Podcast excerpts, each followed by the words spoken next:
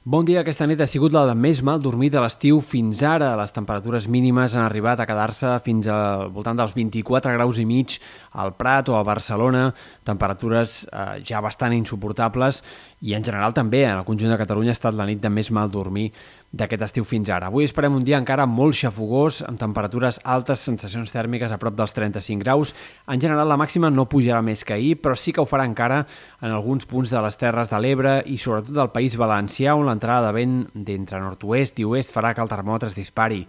En aquests sectors pujarà la temperatura més que no pas ahir, altre cop fins i tot potser puntualment per sobre dels 35 graus, però en canvi la resta esperem que comenci a baixar lleugerament. Les pròximes nits seran més agradables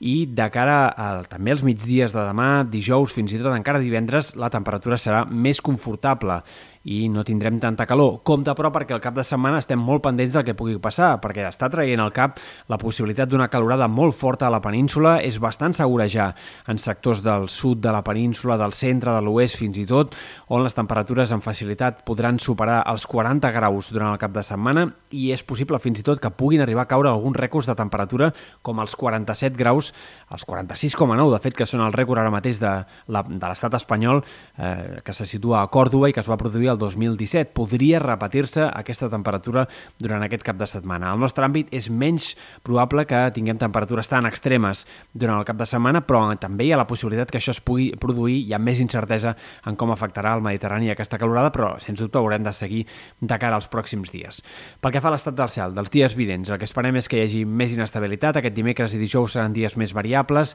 alguns ruixats que afectaran Pirineu, Prepirineu, també eh, els ports i les terres de l'Ebre ja aquest dimecres. No és descartable també alguna tempesta, algun ruixat més puntual en altres comarques interiors i de cara a la matinada, matí de dijous, fins i tot els ruixats podrien afectar comarques de la meitat est, sobretot les de Girona, però no en descartem també